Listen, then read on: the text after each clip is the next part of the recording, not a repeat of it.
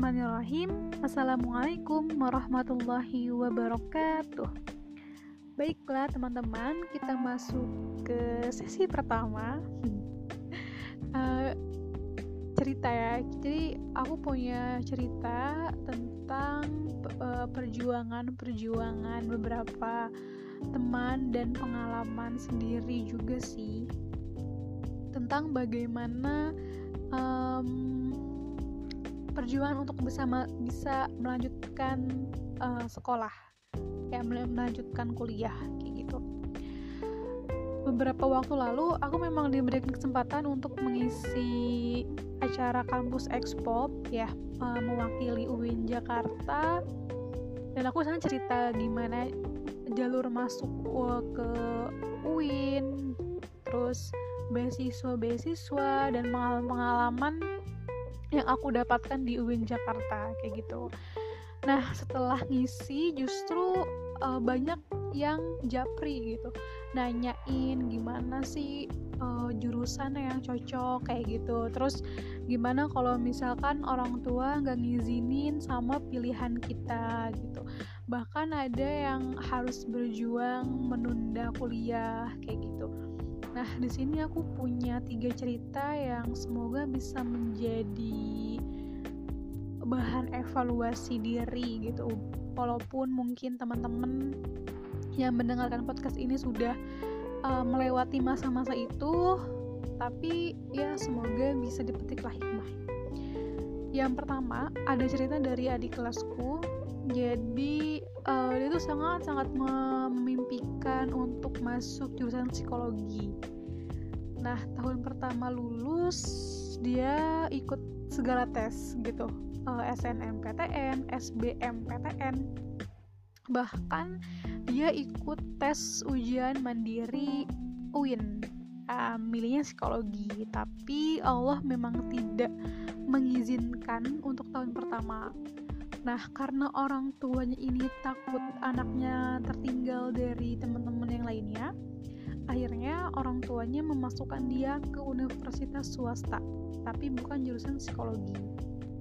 Nah, ternyata belum genap dua semester, adik kelasku ini nggak nggak apa ya, mungkin ngerasa nggak nyaman gitu, karena eh, pengennya psikologi kayak gitu akhirnya di semester 2 dia dapat nilainya D. Terus minta cuti. Minta cuti ke kampus akhirnya dia nggak kuliah dan ternyata nggak lanjut. Nah berarti tahun pertama ini dia uh, gap year.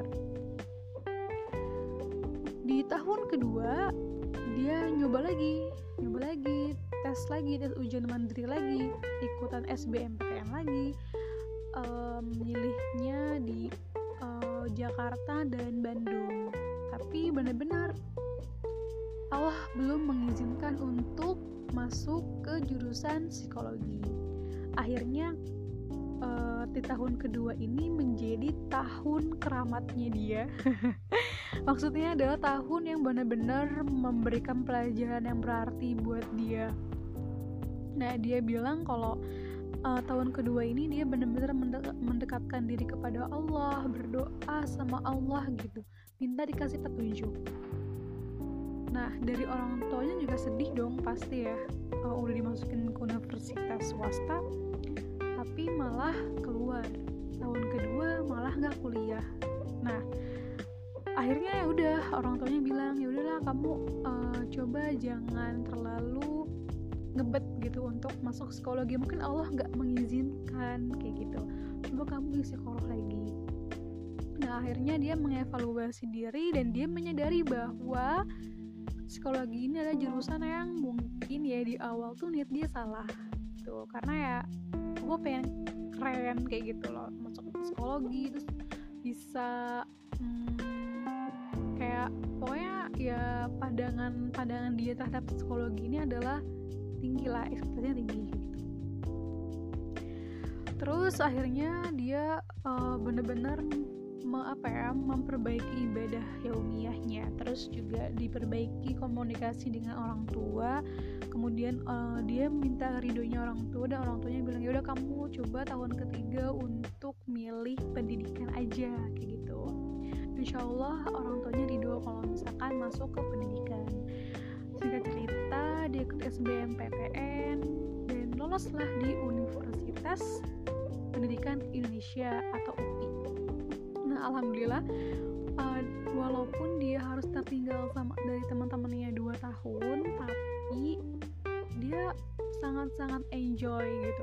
Walaupun sebenarnya waktu pas masuk ke universitas swasta sama-sama pendidikan gitu tapi ketika masuk ke UPI dia benar-benar uh, merasa puas gitu dengan pilihannya. Nah itulah uh, bagaimana dia belajar dari uh, pengalaman dan melibatkan Allah gitu. Nah, yang kedua ini cerita uh, adik kelasku tapi memang belum sih. Dia belum masuk kuliah. Tapi aku sangat melihat kesungguhannya untuk uh, menurut ilmu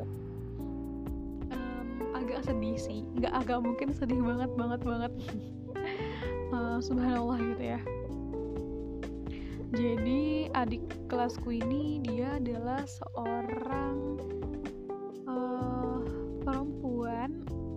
seorang anak yang orang tuanya sudah pisah. Nah, orang tuanya udah pisah, dia tinggal sama adik ibunya. Atau uh, ya dia udah sering bilang, udah sering manggilnya ibu sih. Eh, mama, mama. Jadi kalau sama bibi sama bibinya manggilnya mama, kalau sama ibu kandungnya ibu kayak gitu. Nah, mamah ini ya atau bibinya ini sudah membiayai dia sejak kecil gitu SD, SMP sampai di SMA dibiayain sama bibinya. Nah terus bibinya ini, mamahnya ini gak mau kalau si anak ini kuliah jauh-jauh gitu. Pokoknya harus di Bogor aja jangan ke mana-mana. Dan kalau bisa harus sambil kerja gitu biar bisa meringankan biaya uh, kuliah. Nah aku nanya gitu gimana dengan ayah? Nah ternyata ayahnya itu masih ada masih ada dan masih suka ketemu beliau adalah supir angkot jadi si anak ini dilarang untuk banyak interaksi dengan ayah dan ibunya. Kalau misalkan mau ketemu sama ayahnya, dia harus nungguin di pinggir jalan, ya, uh, nungguin ayahnya untuk lewat gitu, lewat. Kalau lagi uh, ngangkut penumpang kayak gitu. Dan itu uh, dapat uang jajan dari ayahnya selalu dengan cara yang seperti itu. Nah, singkat cerita, si anak ini tuh pengen kuliah uh, di negeri karena dia mikir biayanya lebih murah kayak gitu. Tapi ibunya kan tetap gak mau gitu. Dan harus uh, harus harus pokoknya harus banget jurusan ekonomi aku nanya gitu uh, apa alasan orang tuanya nyuruh untuk masuk ke jurusan ekonomi? Karena katanya uh, mamahnya itu ya beranggapan bahwa ekonomi itu kerjanya langsung enak gitu. Terus uh, dia nanyakan ke aku apakah ya jurusan itu akan benar-benar sangat mempengaruhi kerja jujur jujur sih aku kayak nggak bisa memberikan jawaban pasti. Maksudnya ini kan juga uh, kaitannya sama Allah ya takdir Allah gitu. Dan kalau misalkan uh, kita menggantungkan pekerjaan kita apa dengan jurusan yang kita pilih saat ini uh, bukankah itu juga sama aja kayak uh, mendahulukan takdir Allah kayak gitu? Nah uh, mungkin ya soal biaya dia juga bingung harus kayak gimana. Sedangkan ibaratnya makanya aku minta untuk uh, coba uh, bangun komunikasi dengan Allah bangun komunikasi dengan orang tua kayak gitu. Dan sebenarnya kan kalau misalkan ya uh, kita mau kembalikan lagi diri kita kepada Allah bahwa ridhonya Allah ada di ridhonya orang tua sebenarnya bisa di dikomunikasikan. Dan alhamdulillah si anak ini sudah mulai untuk membangun komunikasi dengan orang tuanya. Nah cerita yang ketiga um, jadi ada seorang perempuan.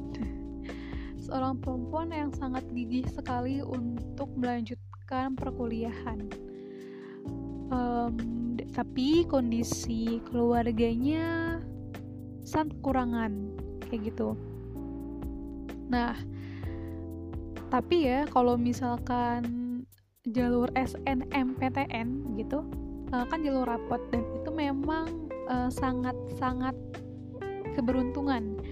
Sangat sangat apa ya bisa dibilang paling enak lah ya.